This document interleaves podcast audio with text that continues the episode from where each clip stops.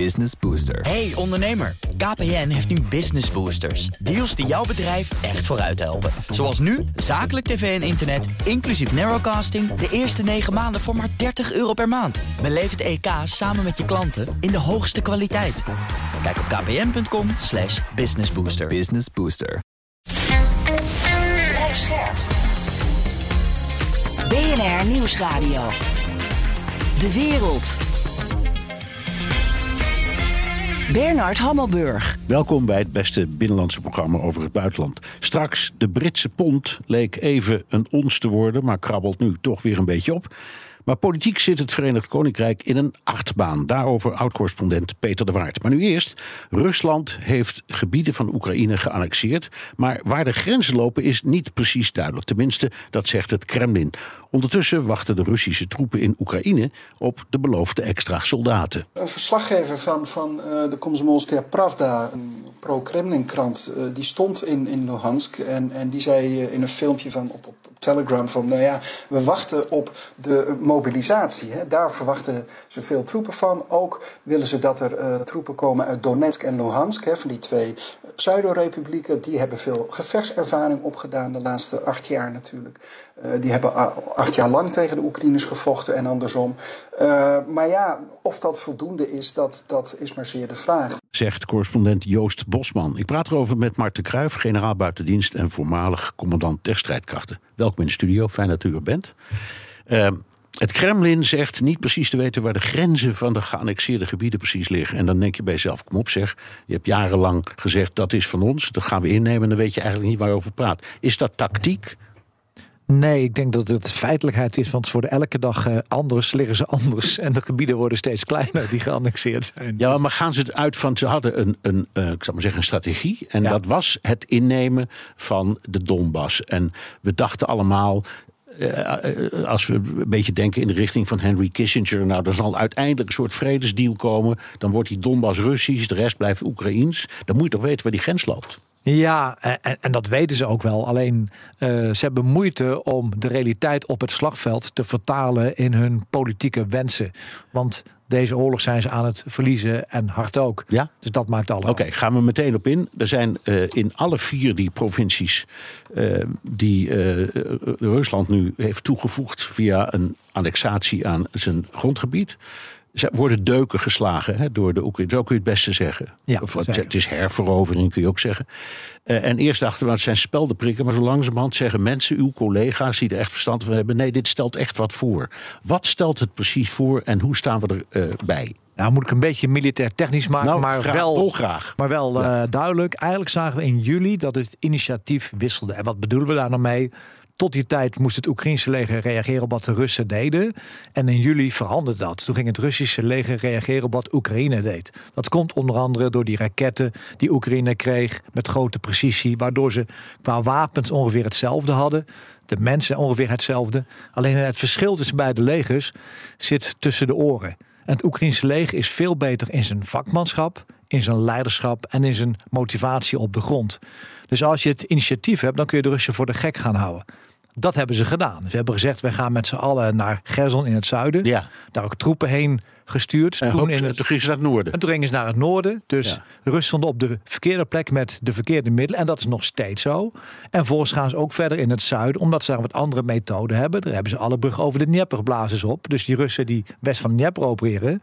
Die krijgen geen voorraden meer. Die krijgen geen eten meer. Die kunnen niet meer worden afgevoerd. En je ziet dat het moreel van de Russen in elkaar dondert, laat het zo maar zeggen. Ja. En het moreel aan de Oekraïne en het leiderschap, dat maakt het... Stijg, blijft stijgen. Het, is, het, het, het, lijkt wel of ze high zijn als je zo hoort praten. Nou ja, wij denken dat oorlog vaak door middelen wordt beslist, maar het is niet zo. Is door mensen. Door mensen ja, die beslissen dat. Nou, even over dat wat u zegt over Gerson. De, de Britse minister van Defensie, die heel mededeelzaam is. Hè. De Britse uh, diensten die publiceren ook veel van Ja. hun kennis, dag in dag uit.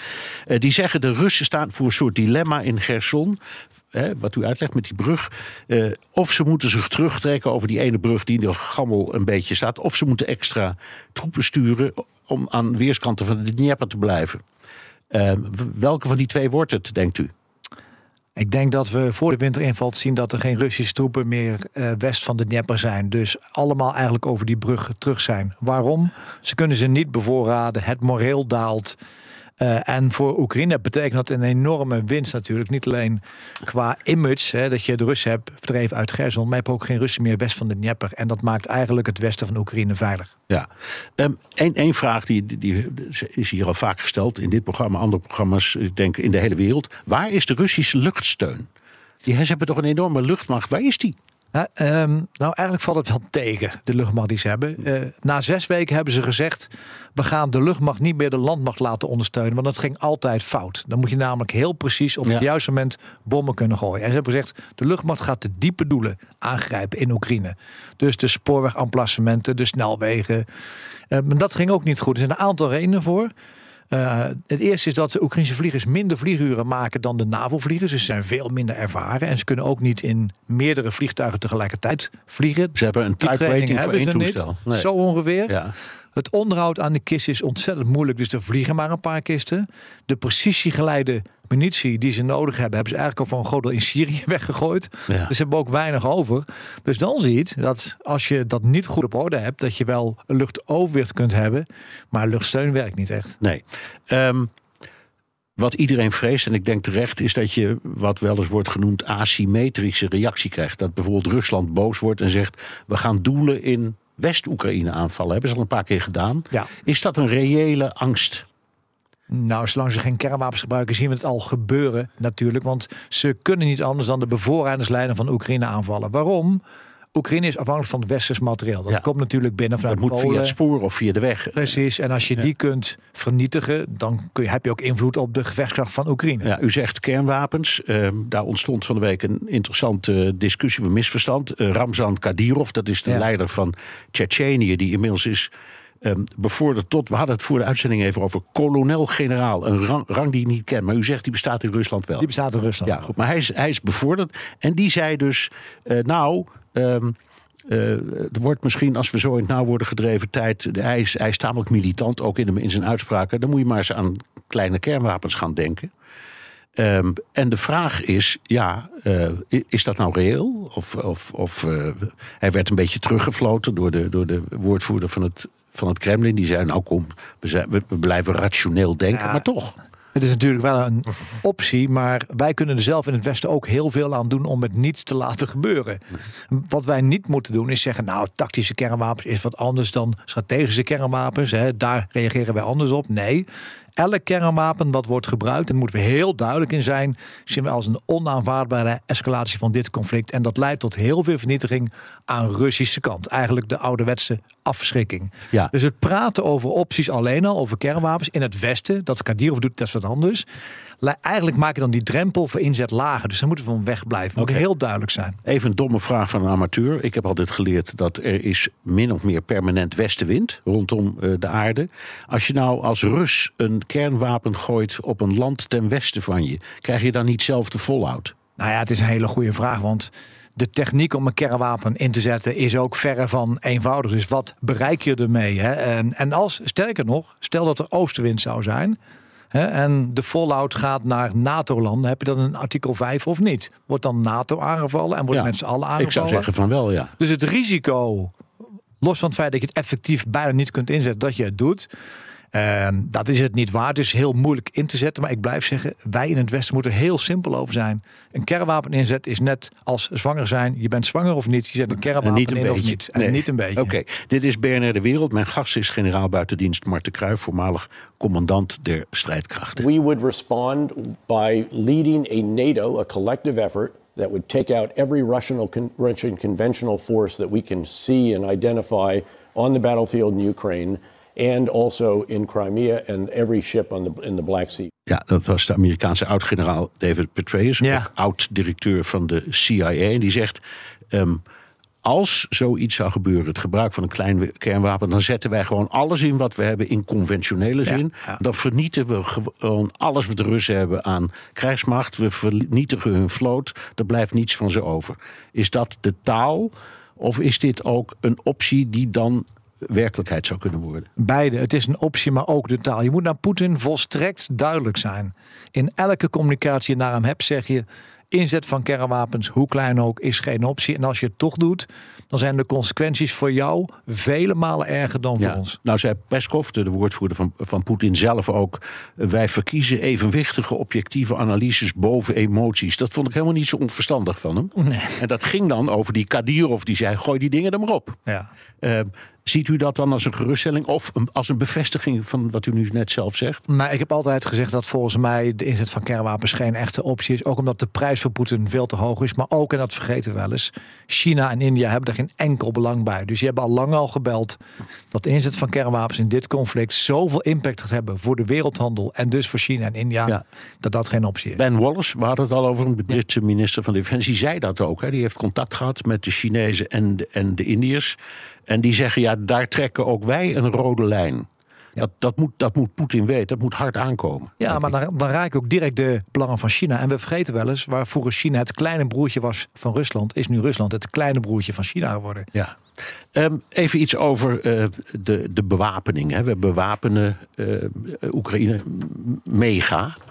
Ehm, het hele Westen doet dat. Zijn we bezig met onszelf te cannibaliseren?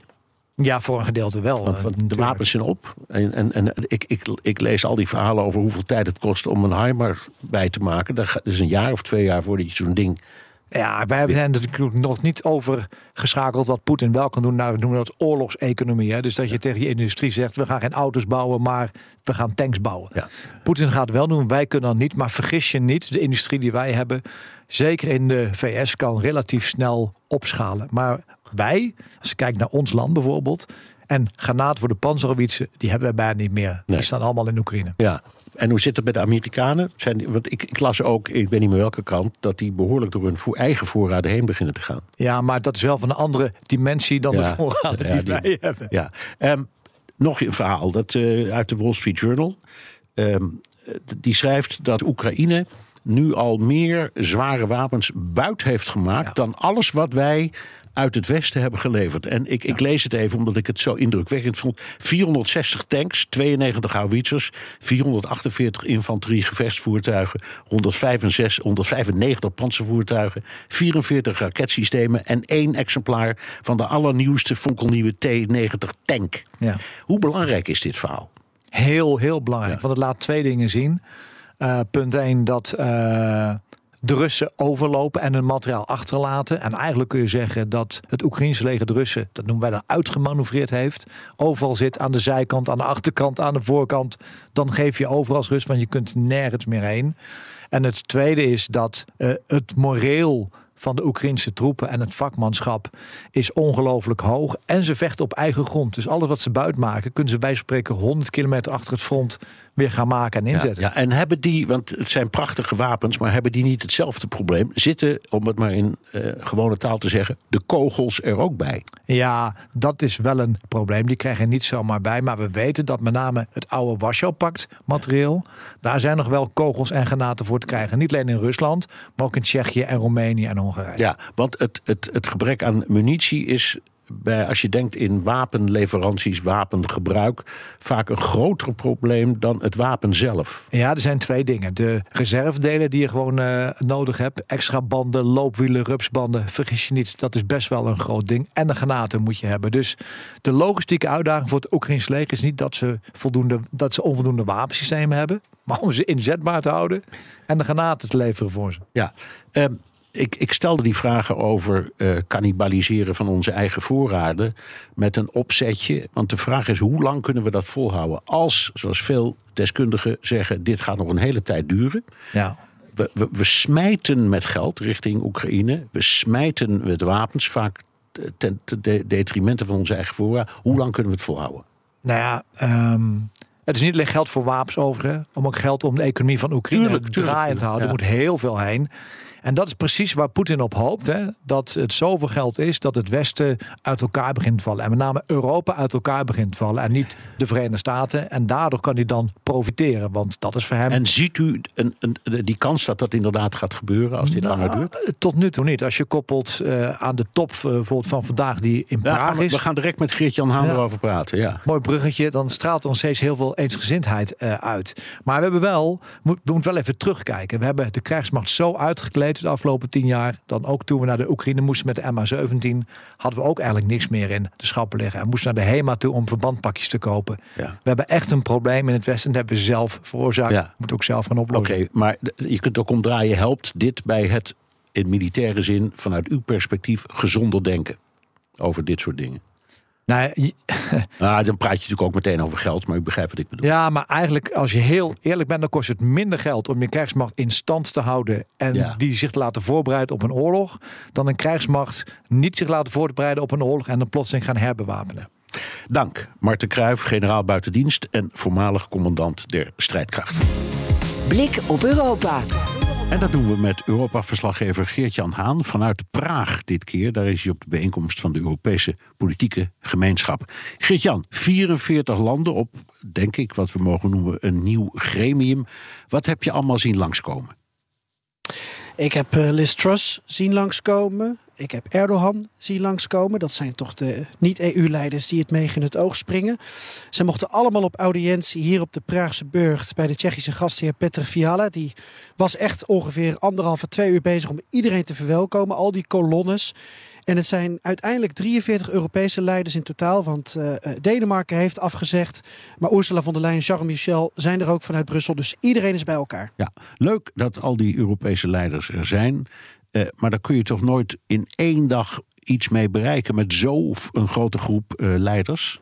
Maar is dat erg, Bernard? Is het de bedoeling eh, van de politiek dat je in een paar uur alles met elkaar kunt bekokstoven en alle problemen uit de wereld kan halen?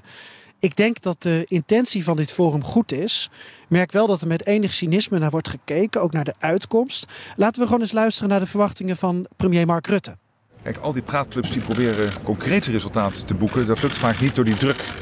Wat je hier kunt doen is invullen praten met alle landen in Europa, binnen en buiten de Europese Unie, over zaken die ons gezamenlijk aangaan, die iedereen hier tot grote bezorgdheid aanzetten. Van Noorwegen buiten de Europese Unie, Turkije buiten de Europese Unie, tot en met de lidstaten van de Europese Unie. En dat heeft natuurlijk in de eerste plaats te maken met die agressie, maar ook met onze eh, energiesituatie, onze economieën. En echt alle reden om dat diepgravend vandaag te doen. Ja, met die agressie doelde Rutte op Rusland. Hij wil aangeven dat het niet alleen maar een anti-Poetin-club die vandaag bijeen is, maar dat er dus ook over bredere thema's met name wordt nagedacht. En beleid, dat is dan voor later. Wat is het programma en, en heb je al mensen gesproken vandaag? Ja, Rutte, Alexander de Croo van België, Callas van Estland, Sanna Marin van Finland. En die laatste, dat vond ik wel interessant om even eh, bij aan te haken. Want eh, zij geeft bijvoorbeeld aan dat ze vandaag president Erdogan van Turkije hoopt te ontmoeten. Om te praten ook over de NAVO-ratificatie. En dat geeft dus aan dat zo'n ja, gremium of zo'n benen op tafel sessie, zo'n forum, dat je het ook over allerlei dingen kan hebben met allerlei bilaterale ontmoetingen. Rutte ontmoet Noorwegen, eh Truss, ook met Oekraïne en volgens mij met Slovenië. Nou, dat zijn dingen die je eigen land dan aangaan. Maar prima als dat vandaag ook past. Ja. Wanneer is die bijeenkomst nou een succes? Ik denk voor de buitenwereld, als je ook een succes kunt claimen. eh, misschien heeft dit format wel wat weg van de OVSE, maar dan een stuk politieker. Ik kijk er niet gek van op als er heel hard gewerkt wordt aan een vredespoging in een probleemgebied in Europa. Bijvoorbeeld dat vandaag eh, de vrede tussen Azerbeidzjan en Armenië zou, Armenië zou kunnen worden getekend. Het zal niet gebeuren, maar ik weet dat Turkije, Macron, Michel, die zijn allemaal bezig met eh, ja, bilaterale ontmoetingen en allerlei formats binnen deze hele nieuwe Europese politieke gemeenschap. Het zou kunnen dat het vruchten afwerpt. Geldt ook voor de ontmoeting tussen Marine en Erdogan. Ik stelde de vraag van wat is nou een succes ook aan de premier van Estland, Kaya Kallas, en die hoor je eerst. The question is whether to be a renewal, uh, whether this is going to be a format that is coming together uh, not only once but uh, but every year, for example. And that's most important to you that it will be on a regular base. It depends on the outcome. If if we feel that there is uh, is this. Um, uh, results because every prime minister ha- does not have a schedule, uh, you know, empty of uh, agenda. That's why every additional meeting uh, requires really that uh, there's a good outcome out of it. But let's see how it goes. Ja, er moet wel een meerwaarde in zitten, Bernard. Want anders is het als een soort voetbalagenda waar allerlei toernooien aan worden toegevoegd, waar niemand tijd voor heeft. Dat is wat Callas zegt. Nu het antwoord van Mark Rutte. Wanneer is dit format volgens u een succes? Als dit ertoe leidt dat al deze meer dan 40 regeringschefs en presidenten zich hier vertrouwd voelen om diepgaven te analyseren wat zijn de problemen en wat kunnen we gezamenlijk doen om ze op te lossen.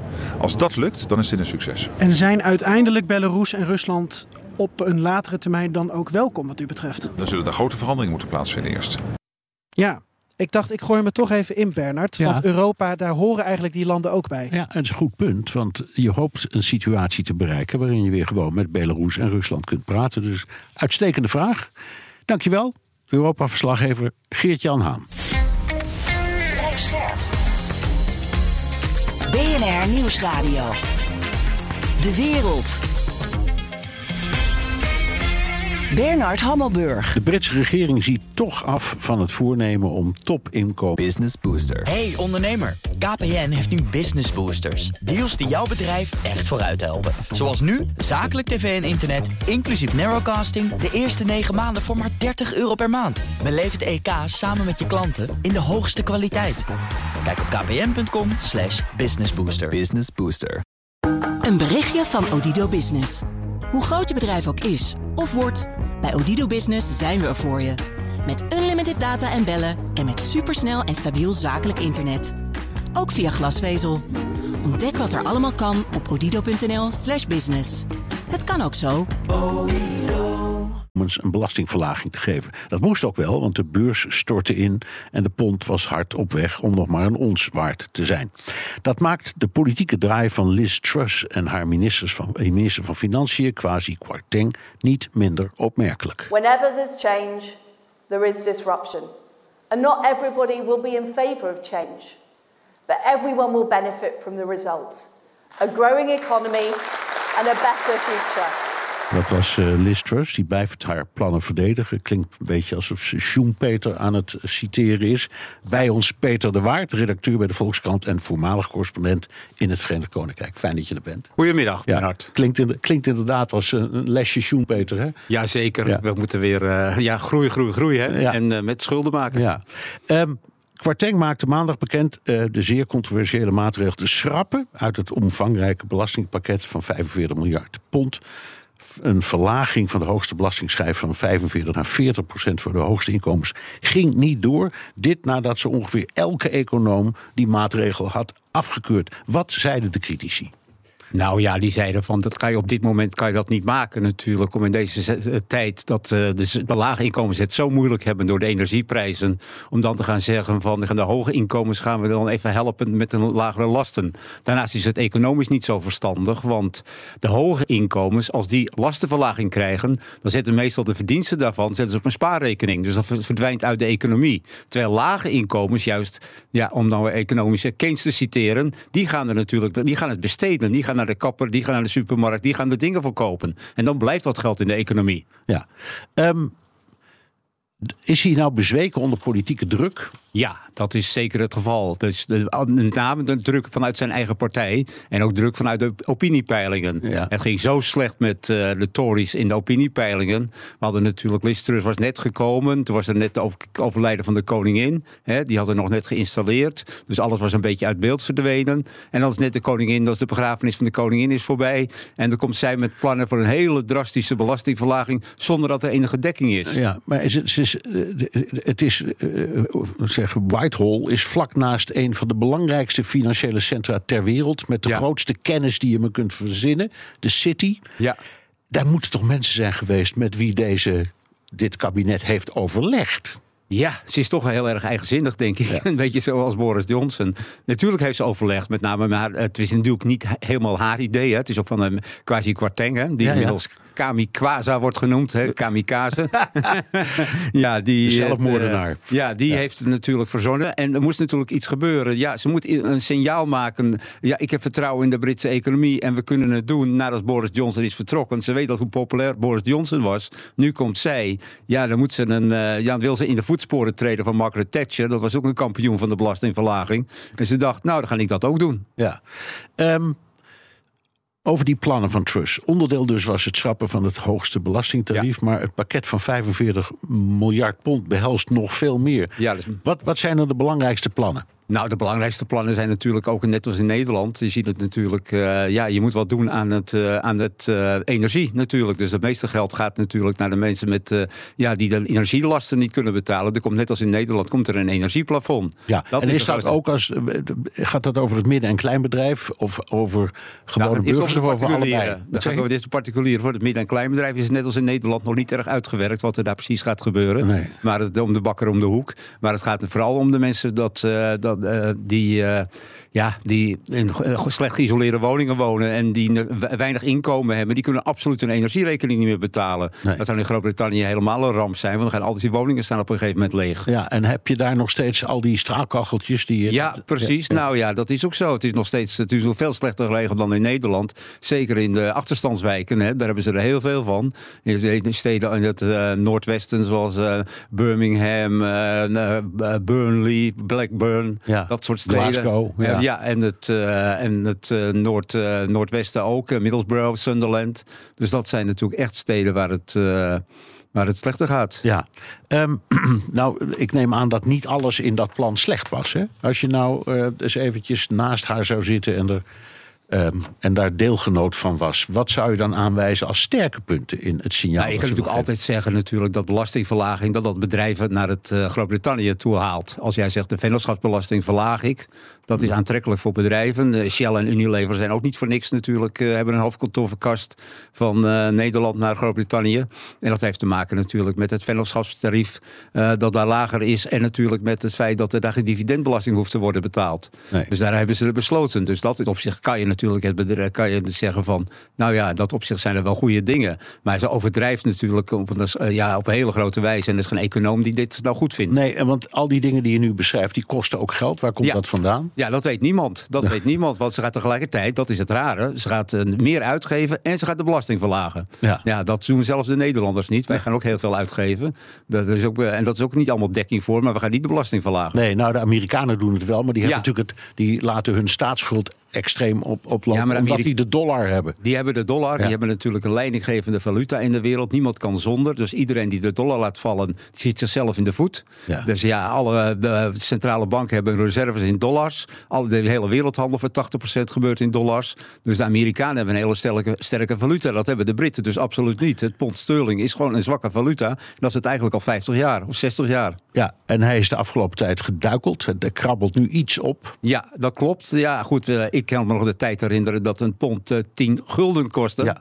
Toen was hij nog verdeeld in 20 shilling en 12 pence. Ja. Dat was ideaal om te leren hoofdrekenen Zeker. op school. Dus, nee, ik, heb, ik heb het ook nog als je dan doen. zeggen van ik ja. heb uh, drie, drie shilling en uh, zes pence. Een sixpence. Ja, en Het, wat kost het dan? Even kijken, dan denk ik, ja, dat is 1,75. Ja. Maar dat was ideaal om de, om de middelbare school of de lagere school om daarmee te gaan hoofdrekenen. In 1971 is dat afgeschaft, het decimale stelsel.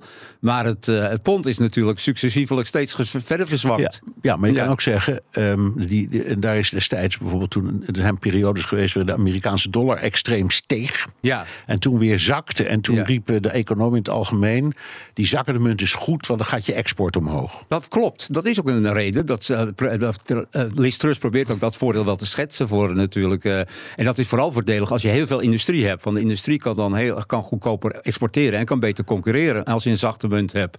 Maar het heeft ook een keerzijde. Ten eerste uh, is het natuurlijk zo dat als je de, de, andere valuta wordt duurder en met name de dollar, je voornamelijk gezakt ten opzichte van de dollar. En alles wat geïmporteerd wordt in Groot-Brittannië, dat gebeurt in dollars. Dus de inflatie, die natuurlijk al 12% is, die stijgt nog een keer. Die gaat dan uh, misschien wel naar 18 of 20%. Ja. Nou, dat lokt natuurlijk weer een uh, loon- en prijsspiraal uit. Dat is, het, uh, dat, is een groot, dat is een groot nadeel daarvan, van dit soort dingen. Een ander nadeel is dat Groot-Brittannië is meer geen industriële economie meer. Het is een diensteneconomie. Ja. En diensten zijn in dat opzicht veel minder makkelijk te voorspellen met concurrentie. Precies.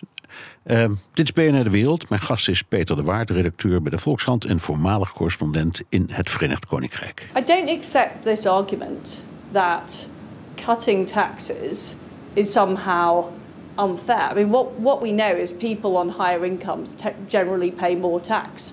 So when you reduce taxes, you know, there is often a disproportionate benefit because those people are paying more taxes in the first place. What I don't accept is the idea that tax cuts on business don't help people in general.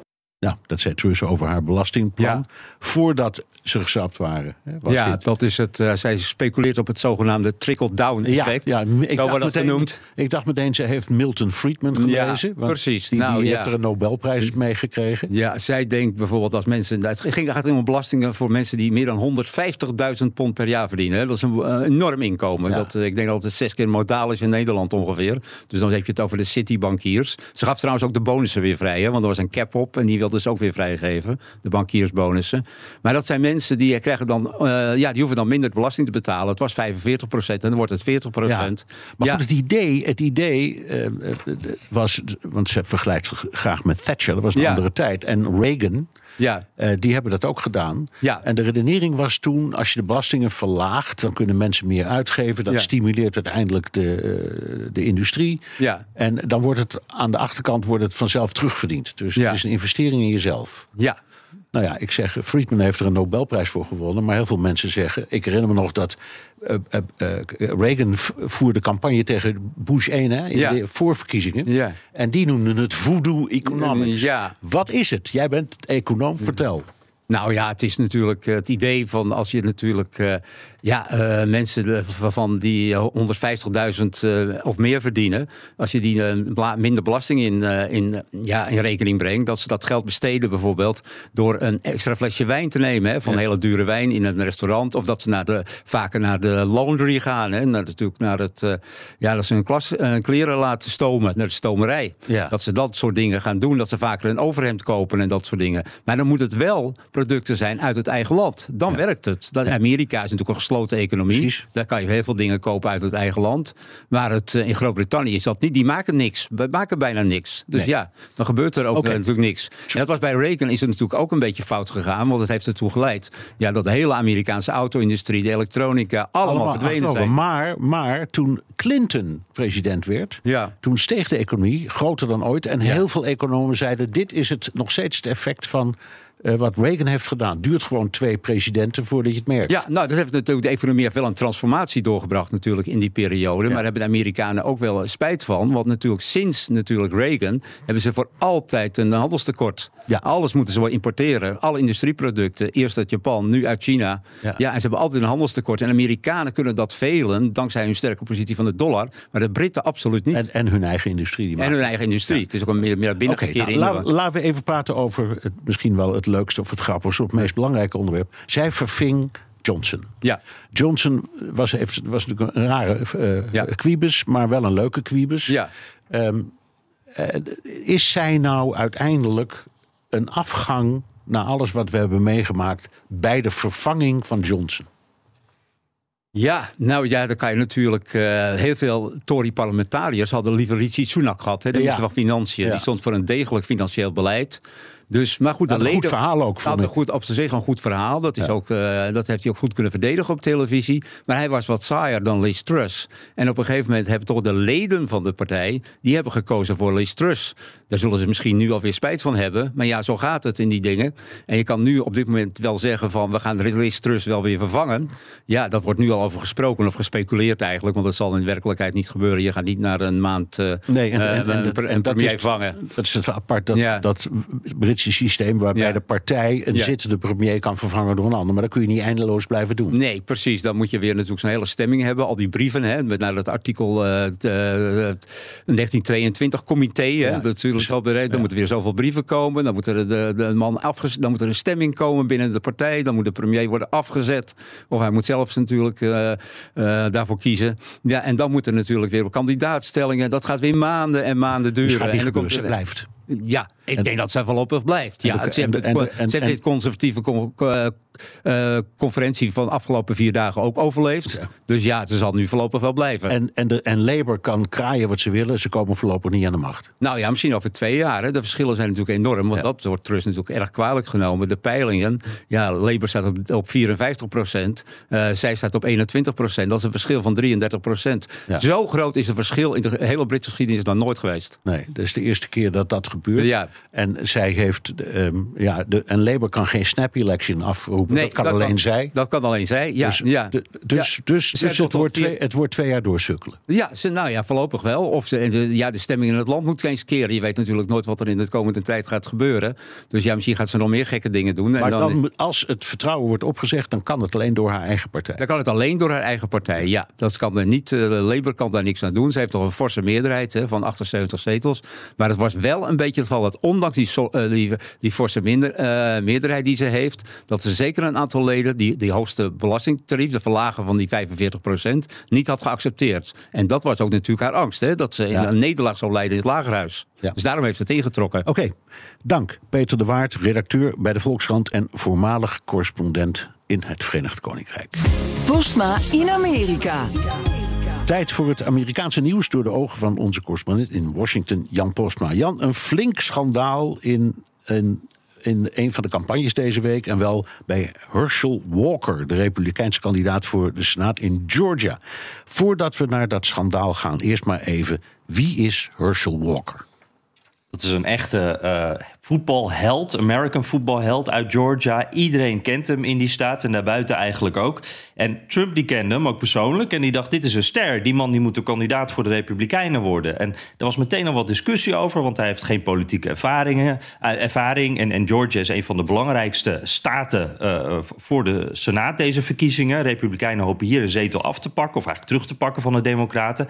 En ja, uiteindelijk kreeg Trump zijn zin. Walker werd de kandidaat. En toen kwamen ze er al vrij snel achter dat hij eigenlijk helemaal niet zo'n goede kandidaat is. Hij zegt rare dingen, komt niet uit zijn woorden, weet eigenlijk niets van beleid. Hij is gewoon echt niet goed. En toen kwamen ook de verhalen. Hij heeft eh, wa- wat persoonlijke psychische problemen. Bleek ook gewelddadig te zijn geweest naar zijn ex-vrouw. En dat gebruikten eh, de Democraten natuurlijk meteen voor een snoeiharde campagnevideo met die ex-vrouw in de hoofdrol. Do you think you know Herschel Walker? Well, think again. Listen to what his ex wife had to say about him. his eyes would become very evil. The guns and knives. I got into a few choking things with him. The first time he held the gun to my head, he held the gun to my temple and said he was going to blow my brains out. Nou, dat klinkt als een, een horrorfilm en dat was nog niet alles. Want die Walker dat is een, een hele conservatieve man. Die vindt familie belangrijk. Hamerde op het belang van een vader voor kinderen. Hij is eh, ook een zwarte eh, eh, man. Dat is ook belangrijk. Want bij veel zwarte gezinnen is juist een vader afwezig. Dat moet echt anders, zegt hij. En deze zomer moest hij toen toegeven dat hij niet één, niet twee, maar drie geheime buitenechtelijke kinderen had. waar hij ook amper naar omkeek. Dus die campagne die heeft het echt moeilijk. En dan moet het schandaal van deze week nog komen. Vertel. Ja, ja, hij zei, eh, eh, ik, ik zei dat net al, hij is zeer conservatief, eh, een familieman, eh, maar ook zeer, zeer anti-abortus. Ook bij verkrachting, incest of als het leven van de moeder in gevaar is. Dus echt compromisloos als het gaat om abortus. En toen kwam deze week een bericht op de website van de Daily Beast dat Walker, deze strenge abortuskandidaat, een abortus zou hebben betaald voor een vrouw die hij had bezwangerd. En die vrouw is anoniem, maar ze hadden de bonnetjes, de cheque, ze hadden een kaart die hij haar stuurde. Hij ontkent het allemaal, zegt dat hij geen idee heeft wie die vrouw is, maar daarna werd bekend dat het de moeder van een van zijn kinderen is. En daarna kwam er nog wat anders overheen. Zijn eh, zoon, de, zoon die hij wel erkende, Christian, die kwam in beeld. En Christian Walker is een bekende conservatieve influencer. Hele jonge jongen, eh, zit op TikTok, steunt Trump, steunt zijn vader. Maar nu was hij boos, want hij zegt... eh, hoe durf je te liegen en te doen alsof je een soort moreel verheven christen bent? You don't get to pretend you're some moral family guy. You don't get to pretend all these things. Talk policy, talk normal. Do not lie. Ja, eerst werd nog gezegd van uh, die jongen is gehackt. Maar het is echt zo. Uh, hij verspreidt dit allemaal over social media. Dus nog meer slecht nieuws voor Herschel Walker. Ja, en wat doet het met Walker, met zijn populariteit? Ja, nou, de, de, peilingen weten we nog niet. Dat is wel heel spannend, want Walker en uh, Raphael Warnock... dat is de democratische kandidaat, die gaan nek aan nek. Dit is de, de, echt een belangrijke race en dus ook nog heel spannend. Uh, dat gaan we de komende tijd zien. Maar aan de steun uit Republikeinse kringen kunnen we zien dat er sinds Trump echt wel iets veranderd is. Want vroeger moest je na zo'n schandaal, hè, dan moest je als politicus naar een bevriende tv-zender. Dan ging je met je echtgenoot naast je door, door, door het stof. En dan hoopte je dat je het zou overleven. Maar dan was het vaak ook einde verhaal. En nu blijft de hele partij, alle Republikeinen blijven achter hem staan. En uh, het standpunt wordt goed verwoord, vind ik, door Dana Lush. Zij is uh, oud-woordvoerder van de NRA, de wapenlobby. Nu een mediapersoonlijkheid. En zij zegt, al zou hij baby eagles geaborteerd hebben, toch het symbool van Amerika, dan nog kan het me niet schelen. Please keep in mind that I am concerned about one thing and one thing only at this point. So I don't care if Herschel Walker paid to abort endangered baby eagles. I want control of the Senate. Ja, het gaat om de macht, controle van de Senaat. En dat gaat nu voor alles. Zij zegt het en de rest denkt het volgens mij. Uh, dit is gewoon te belangrijk voor de Republikeinen. En daarom wordt er nu ook voor meer dan 30 miljoen dollar aan spotjes gekocht... om Herschel Walker dus toch uh, als winnaar uit de bus te laten Ja, komen. even in, in twee of drie woorden, Jan. Hoe, hoe verhoudt zich dit tot de toch sterk christelijke vleugel van de Republikeinse Partij? Die, die, die moeten daar toch moeite mee hebben, zou ik maar zeggen. Ja, ook heel kort. Hier zie ik ook wel een gelijkenis met Trump. Waarbij mensen zeggen: ja, maar als hij maar de juiste beslissingen gaat nemen. Als hij maar op de juiste manier voor ons uh, gaat stemmen. dan vertrouw ik hem wel. En dan maakt me dit eigenlijk niet eens meer zoveel uit. Precies als met Trump. Dankjewel. Jan Posma, correspondent in Washington. Wilt u meer horen over dat fascinerende land? Luister dan naar de Amerika-podcast van Jan en mij. En tot zover BNR De Wereld. Terugluisteren kan via de site, de app, Spotify of Apple Podcast. Reageren kan via een mailtje naar dewereld.bnr.nl. Tot volgende week. Business Booster. Hey ondernemer, KPN heeft nu Business Boosters. Deals die jouw bedrijf echt vooruit helpen. Zoals nu, zakelijk tv en internet, inclusief narrowcasting... de eerste 9 maanden voor maar 30 euro per maand. Beleef het EK samen met je klanten in de hoogste kwaliteit. Kijk op kpn.com slash businessbooster. Business Booster.